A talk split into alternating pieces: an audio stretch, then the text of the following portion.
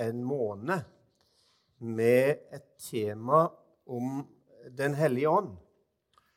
Eh, og denne uka så har vi kombinert, for å si det sånn, det med et tema som vi underviste her på onsdagskvelden i to timer. Eh, vi har en eh, bibelskole annenhver onsdag på kvelden med to undervisningstimer, og underviste på onsdag om jeg er i Kristus. Og så kan du jo tenke på hvilken måte kombinere det. Den hellige ånd og hvem jeg er i Kristus.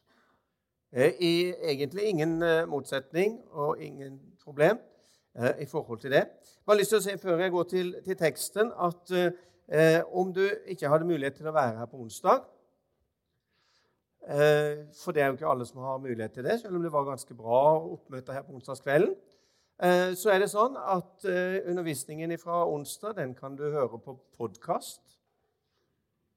Og prekena i kveld kan du høre på podkast.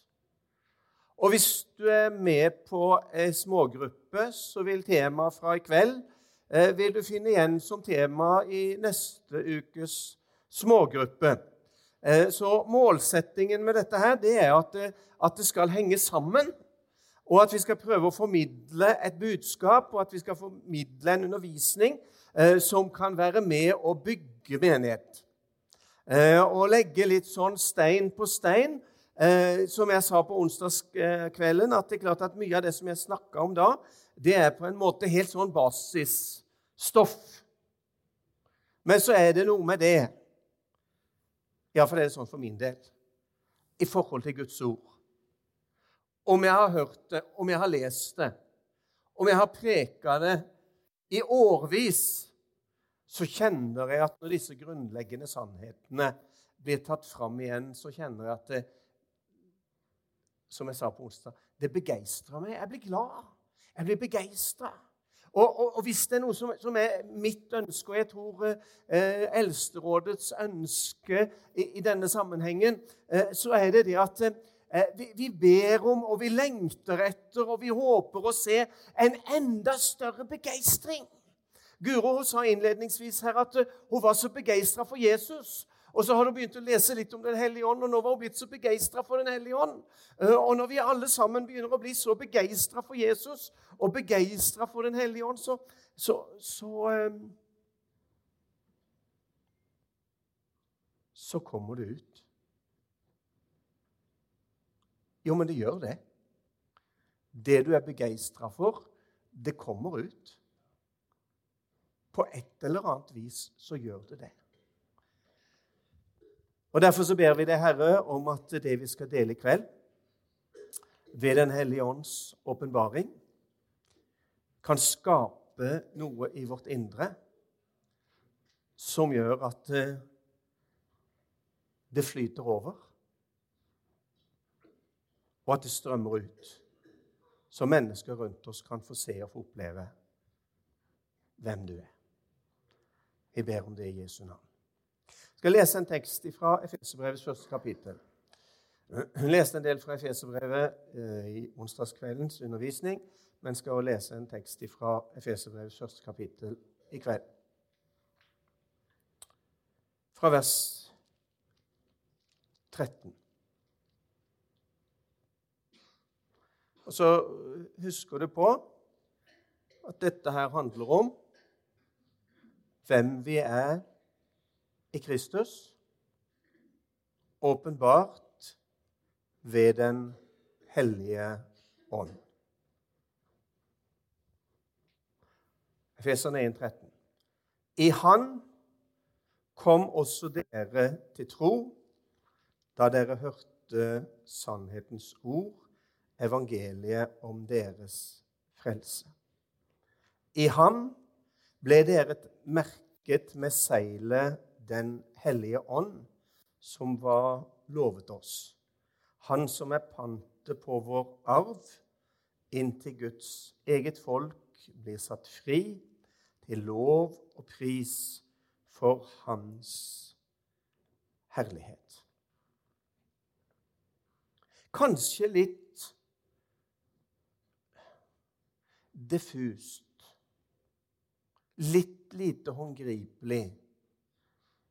Litt lite konkret å snakke om Kristus i oss, vi i Han, og om Den hellige ånd. Men så sier Paulus her, i det vi leste I Han kom dere til tro. Og det som vi deler sammen nå, det handler om tro. Det handler ikke om at jeg forstår det. Det handler ikke bare om at alt går opp i min logiske tanke eller min logiske tankerekke. Men det handler om en åndelig virkelighet som er usynlig, men som allikevel er virkelig. Og så fikk vi lov til å oppleve at på grunn av tro, tro på sannhetens ord, så fikk vi oppleve frelse.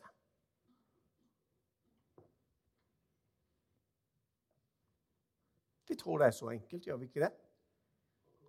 Vi har opplevd det så enkelt, har vi ikke det?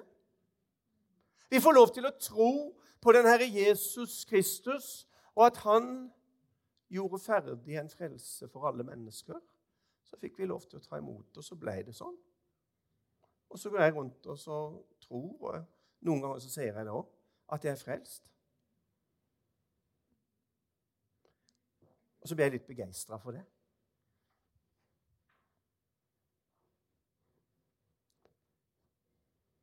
Og så sto det videre I Han ble dere merket. I Han ble dere merket. Jeg har tenkt litt på det. Hva betyr det?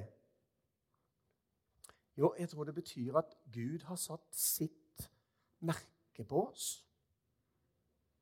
Han har merka oss med et merke som forteller oss hvem vi tilhører. Han har merka oss med et merke eh, som forteller oss at vi er hans eiendom.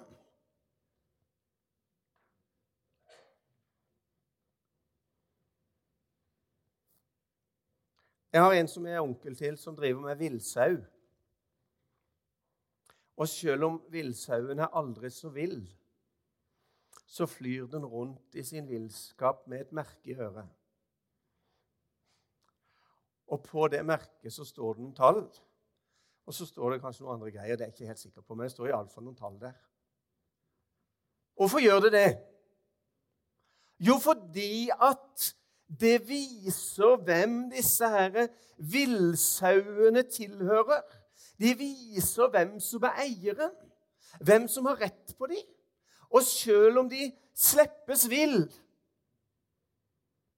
så har de et merke som forteller hvem som er eier, og hvem de tilhører. Og selv om du og jeg slippes vill, for vi gjør jo egentlig det I den verden som vi lever, så er vi sluppet ut i verden. Vi er sluppet ut i en verden som på mange måter er vill. Om ikke vi er så ville alltid, kanskje noen ganger skulle vi være litt villere enn det vi er. men... Uh, Eh, men det er kanskje ikke det vi er mest kjent for å være så ville. Men iallfall så er vi i en verden som er ganske vill. Og i den verden som vi er sluppet ut i, så lever vi i den. Og så har vår eier Han har merka oss. Han har satt sitt merke på oss. Hva betyr det? Det betyr at han vedkjenner seg oss. Han vedkjenner at du er hans eiendom. Han som er vår eier, han er ikke bare vår eier, men han er også vår far.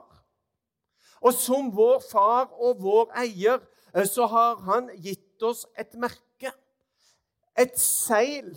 Han har gitt oss en forseiling. I Han ble dere merka med seilet Den hellige ånd, som var lovt oss. Du har fått et seil og et merke som forteller hvem du tilhører. Ja, åssen kan jeg vite det? Og på hvilken måte fungerer det? Romerbrevet 8, fra vers 15. Dere har ikke fått ånden som slavene har, så dere skulle være redde. Nei, dere har fått ånden eh, som gir rett til å være Guds barn, den som gjør at vi roper 'Abba, far'. Ånden selv virker sammen med vår ånd at vi er Guds barn. Men er vi barn, er vi også arvinger. Vi er Guds arvinger og Kristi medarvinger, så sant vi lider med Han, så vi også skal få del i herligheten sammen med Han. Han har gitt oss av sin ånd. Vi som mennesker vi er òg åndsvesener. Vi har fått ifra skapelsen av så står det at Gud blåste livets ånd inn i menneskets nese, og mennesket ble til en levende sjel. Det er ånd i oss fra skapelsen av. Men når vi ble frelst ved tro, så fikk vi oppleve at vi òg fikk et seil, en beseiling, et merke, som heter Den hellige ånd i våre hjerter.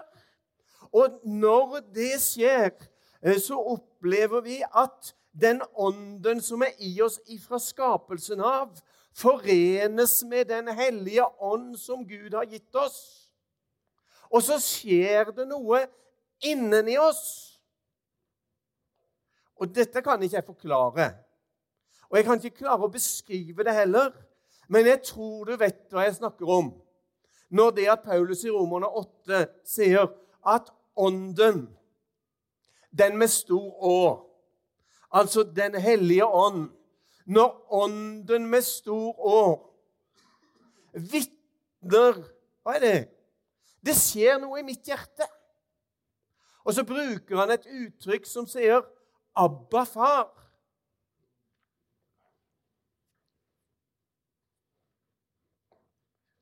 På møtet i gamle dager for noen tiår siden eller noe sånt, så hendte Det er veldig lenge siden jeg har hørt det. Eh, men, men, det hendte noen ganger før i tida, i sånne type møter som vi har her, at plutselig så hørte du en eller annen når han ble begeistra ble begeistra for Jesus, ble begeistra for forkynnelsen, ble begeistra for det han hørte, så plutselig så kunne du høre en som sier 'Abba'. Ikke ukjent for de fleste her, ser jeg. Hva er det for noe? Ja, så Det er jo et ord som ikke vi bruker, men, men det, det, betyr jo bare pappa. Det er bare liksom en, en sånn begeistring som Guro snakka om til å begynne med her en begeistring for å være Guds barn. Tenk at jeg ved tro har fått lov til å bli et Guds barn. Vi har fått en ånd som gir oss rett til å være Guds barn. Og det er den ånden som gir oss rett til å være Guds barn. Det er den som roper 'Abba' eller 'Pappa', 'Far'. Det skjer noe inni oss når vi kjenner at det nye livet som er født av Gud, begeistres. Og den begeistringa grunner seg egentlig bare i én ting, nemlig det at jeg har fått retten til å være Guds barn. Og, og, og hvis det er noe som skulle begeistre oss, dere, så er det jo nettopp det at tenk at vi som er sluppet ut som ville sauer i ville verden, har Gud satt sitt merke på. Han vedkjenner oss, oss at vi er hans eiendom, at vi er hans barn. Og så har han gitt oss et innseil, et pant, et merke. Ikke i øret, men i hjertet. Han har gitt oss et merke i hjertet som gjør at vi kjenner det er liv her inne.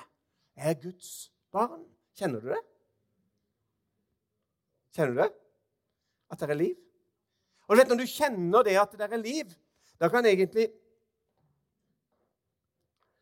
Vi har jo av og til litt sånn synspunkter om hverandre og om andre og sånn. ikke sant? Men når du kjenner at det er liv, så kan folk egentlig mene og tenke og synes hva de vil. For Ånden vitner i mitt hjerte at det er Guds barn.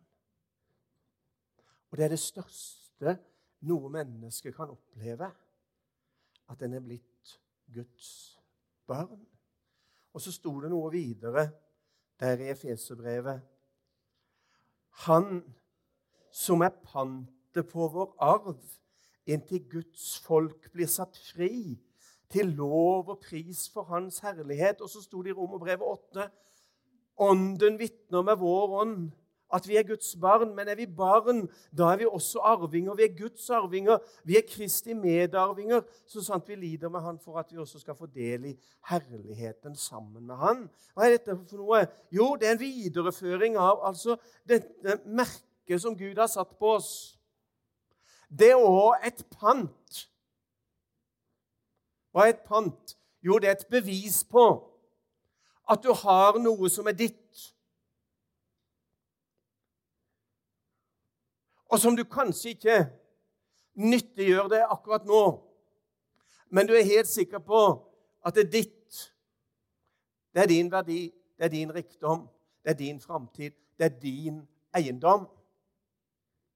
Vi har fått ved Den hellige ånd et pant i våre hjerter som forteller at vi er Guds barn. Og er vi Guds barn, så er vi Guds arvinger. Fordi at han er vår far. Og når han er vår far, og vi er hans barn, så har vi fått et bevis på, et dokument i våre hjerter på at vi er barn. Er vi barn, så er vi arvinger. Guds arvinger, Jesu Kristi medarvinger. Så handler det om noe som skal komme. Men jeg tror det handler om noe som allerede er vårt. Jeg tror det handler om noe som allerede er vårt, som vi kan få lov til å få del i. Og Det er egentlig dette her som Jesus snakker om i sin avskjedstale, som Geir var inne på her for 14 dager siden. Jeg skal ikke gjenta Geir på noen som helst slags måte, eh, men, men eh, Geir var inne på og talte litt fra Jesu avskjedstale om Den hellige ånd. For Jesu avskjedstale der underviser Jesus veldig mye om Den hellige ånd. Og Utgangspunktet for Jesu undervisning om Den hellige ånd i sin avskjedstale, Johannes 14, 15, 16 og bønnene i vers 17, det er jo at de var litt engstelige når han ser han skal gå bort. Når han ser at han skal reise opp til himmelen, han skal bli tatt ifra dem, så tenker de åssen i all verden skal det gå med oss når Jesus, som vi har levd så nær, som vi har blitt så glad i, som vi har blitt så begeistra for, når han blir tatt fra oss, åssen skal det da gå med oss? Og så sier Jesus til dem at ja, men slapp av. Det er det beste for dere at jeg går bort. Det er absolutt det beste for dere. Det er gagnlig for dere at jeg går bort. Og hvis jeg går bort, så skal dere få oppleve Og da gir han en beskrivelse i kapittel 14 eh, som jeg syns er grenseløs. Og når jeg leser den beskrivelsen som Jesus sjøl gir i kapittel 14 i Johannes evangelium, så kjenner jeg at jeg blir begeistra, sjøl om ikke jeg skjønner helt. For jeg klarer ikke helt å fatte konsekvensen av det. Men jeg er så enkel. Og så har jeg opplevd noe av det at jeg tror at det er sånn. Hva sier han? Jo, Johannes evangelium kapittel 14,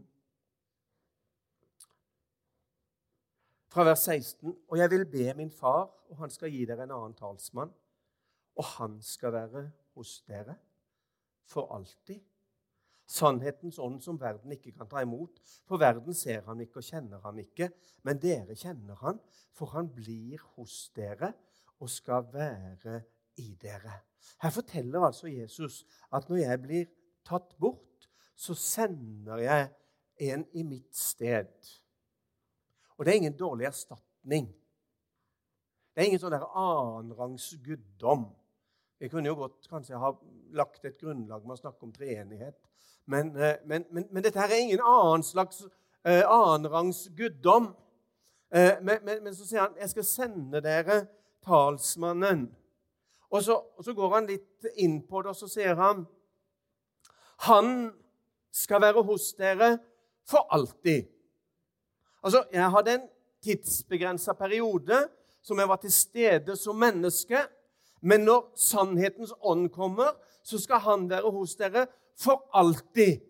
Og han skal ikke bare være hos dere, men vi leste at han sa det at han skal være i dere. Og Da begynner vi igjen å nærme oss denne forkynnelsen om at Gud ikke bare kom ned og ble menneske. Det tror vi på. Det forkynner vi når det er jul og for så vidt hele året igjennom. At Gud kommer ned og blir menneske. Men når Jesus underviser om Den hellige ånd, så underviser han om, og så forteller han oss det at Gud han er ikke bare kommet ned og blitt menneske, men Gud han har flytta inn i oss ved Den hellige ånd. Ja, det er bra. Har godt si takk og lov, Kåre. Vi har virkelig grunn til å si takk og lov.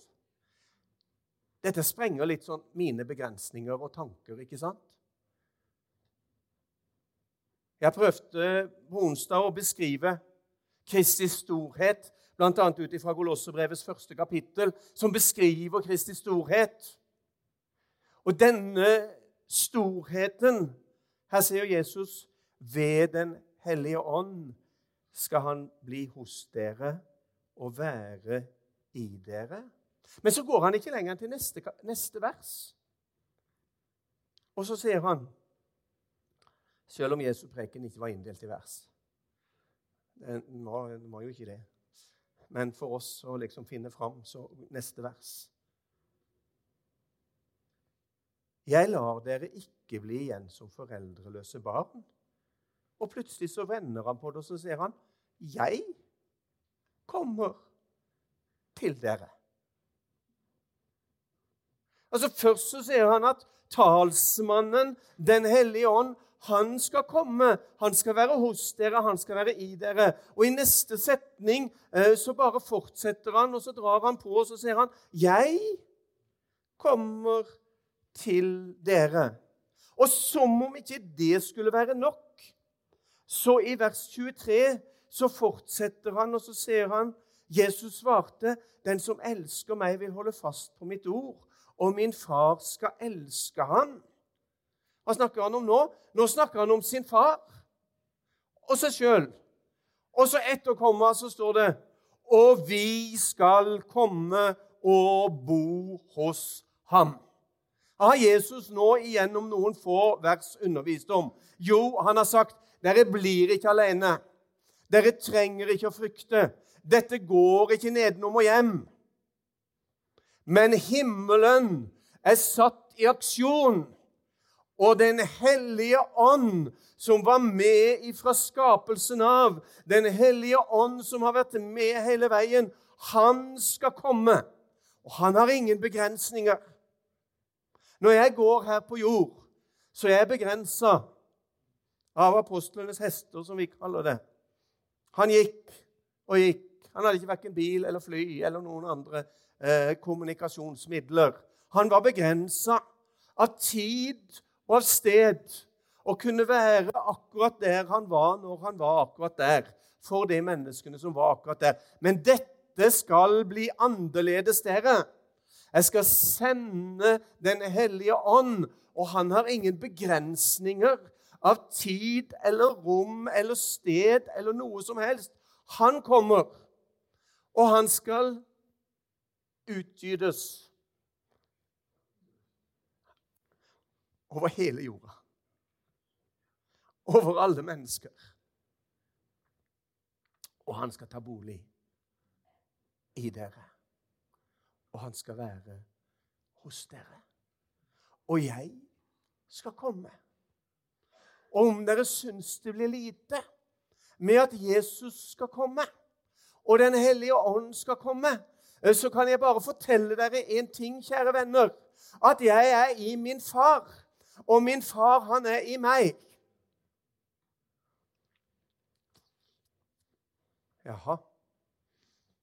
Åssen kan det gå til? Jeg snakka om ei tomflaske her på onsdag.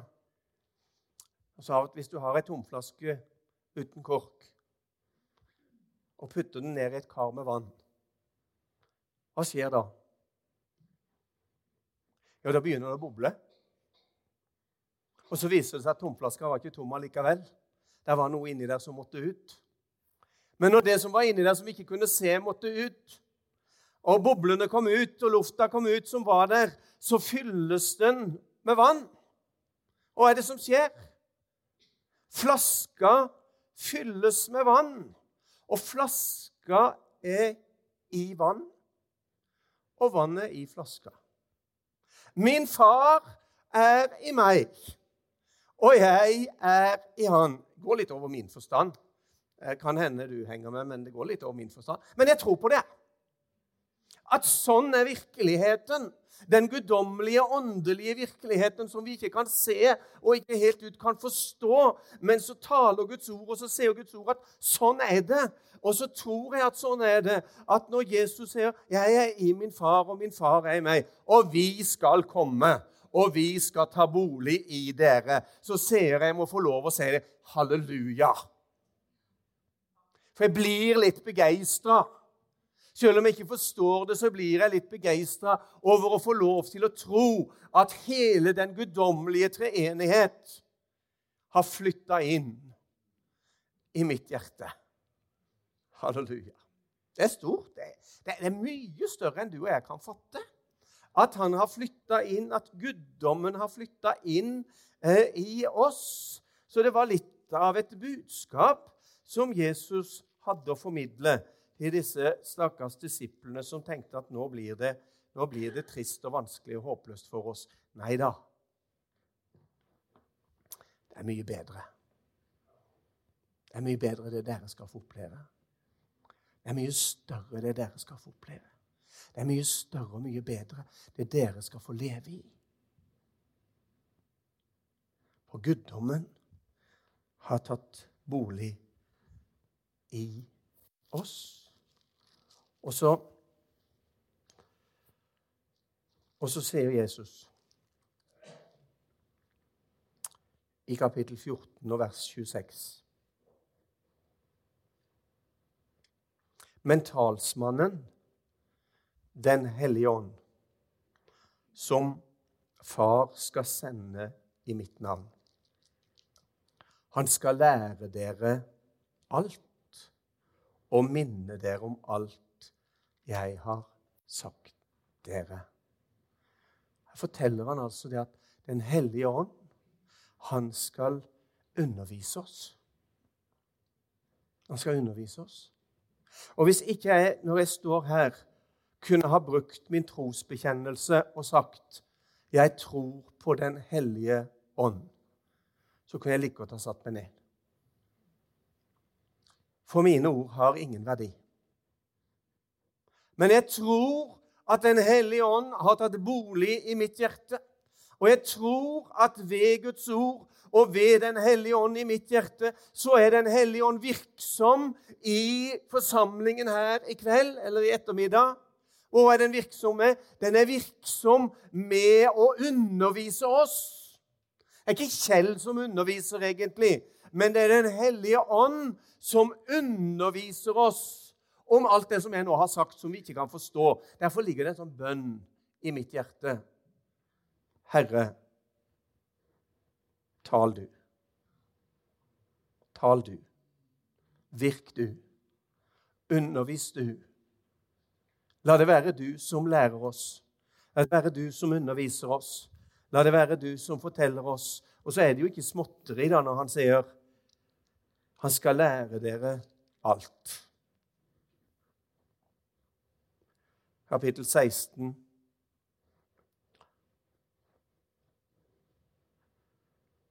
Vers 12.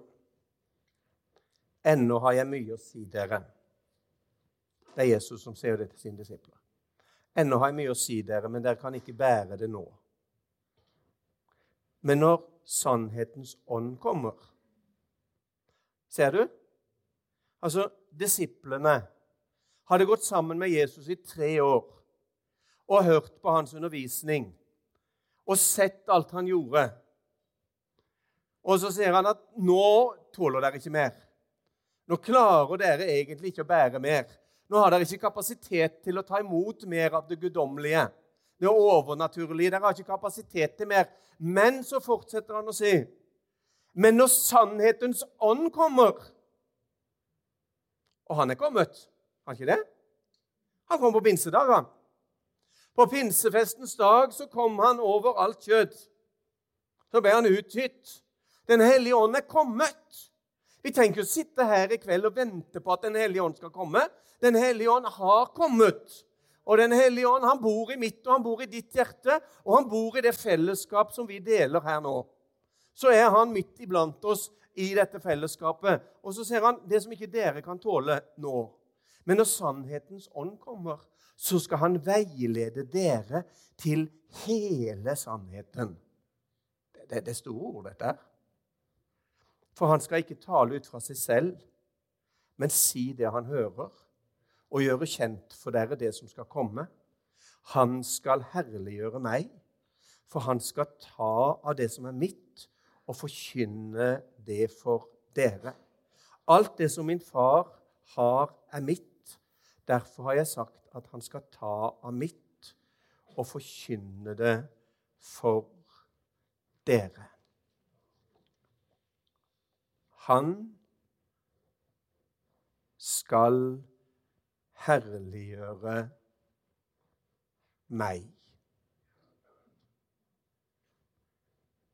Det var Jesu budskap. Hva er budskapet? Jo, som Johannes døperen sa han skal vokse. Han skal vokse. Den hellige ånds hovedoppgave er ikke å fremheve seg sjøl. Og dyktig han er til å undervise, og dyktig han er til å veilede. Og sterk han er på kraft, og sterk han er på All Den hellige ånds gjerning er fundamentert på 'Han tar av mitt', sier Jesus.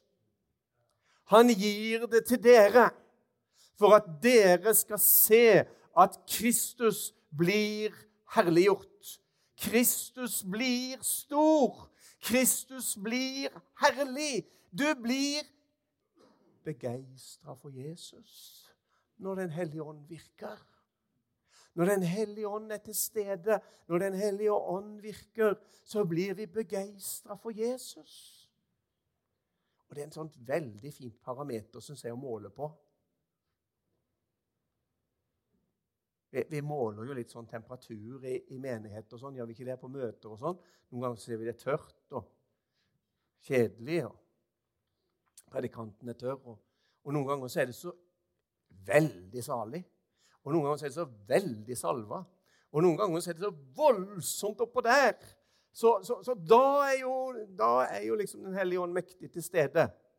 Men, men, hvis det er litt traust og litt sånn nedpå, så, så, er det ikke sikkert at det er så mye ånd til stede. Det handler ikke om det, dere. Det handler om hvilket fokus som kommer på den Herre Jesus Kristus. For det er han og han alene det handler om. Selv om vi tror på både Faderen og Den hellige ånd, så er det Jesus Kristus, Guds sønn, som er den første og den siste og den levende. Det er han som betyr noe, og det verk som han har gjort. Derfor er fokuset på han. Så når Den hellige ånd er til stede, når Den hellige ånd virker, når Den hellige ånd taler, så har den ett fokus. Den løfter ikke opp noe menneske. En herliggjør ingen mennesker. Den herliggjør ikke seg sjøl, men den setter søkelyset, strålelyset, på Jesus. På den Herre Jesus Kristus. Og når han blir stor, og når han blir herliggjort Så kunne jeg sagt noe om dette med herliggjørelsens time, og alt det, men jeg ser at det går for lang tid. Så jeg skal ikke gjøre det i dag, for det kan jo fort bli litt for mye. Men jeg skal lese ett vers til slutt fra kapittel 17, som vi kaller for Jesu ypperste prestelige bønn. Jesus ber. Han ber til sin far. Han begynner sin bønn med å si, 'Far, timen er kommet. Herliggjør din sønn, så din sønn kan herliggjøre deg.' Altså, Jesus er opptatt av at han skal bli herliggjort. Han ber om, fordi han har vært i fornedrelse, han har vært i ringhet, han har vært på korset, og Helliggjørelsens time ligger egentlig mye i det. Det kan du lese om i kapittel 12 i Johannes evangelium, eh, hvis du vil det. Men Jesus er her opptatt av at han skal bli herliggjort. Men så fortsetter han i vers 9, og så ser han Jeg ber for dem. Og da snakker han om sine disipler. Eller for å si det sånn, da snakker han om oss. Og så sier han, 'Jeg ber for dem.' 'Jeg ber ikke for verden, men for dem du har gitt meg, for de er dine.' Alt mitt er ditt, og det som er ditt, er mitt. Og så sier han, 'Og jeg er blitt herliggjort gjennom dem. Hæ? Jesus herliggjort gjennom dem. Gjennom sine disipler. Gjennom oss. På hvilken måte blir Jesus herliggjort i dag? Han blir herliggjort i dag, han som har flytta inn, og som bor ved troen i våre hjerter. Den herliggjorte Jesus, han er herliggjort i oss. Han viser seg stor og rik og herlig igjennom det som han har merka som sine. Det som han har satt seilet sitt på. Det som han har satt merket sitt på. Det som han vedkjenner seg som sine barn. Det som har fått Den hellige ånd som seil og som pant i våre hjerter. Gjennom dem og i dem og ved dem og ved oss så herliggjøres Jesu navn. Det er noe av Den hellige ånds gjerning i verden i dag. Gjennom oss så stråler Hans herlighet ut. Vi har fått en skatt inni oss. For at den rike kraft den skal ikke være oss, men den skal være Han. Og så er det det som er inni oss, som stråler ut og viser Guds herlighet i Jesu Kristi ansikt. Gjennom oss som hans barn. Og Jeg tror dette kommer litt sånn fram med det. Veldig sånn enkelt, praktisk. Jeg tror det kommer litt sånn fram når vi begeistres. Amen.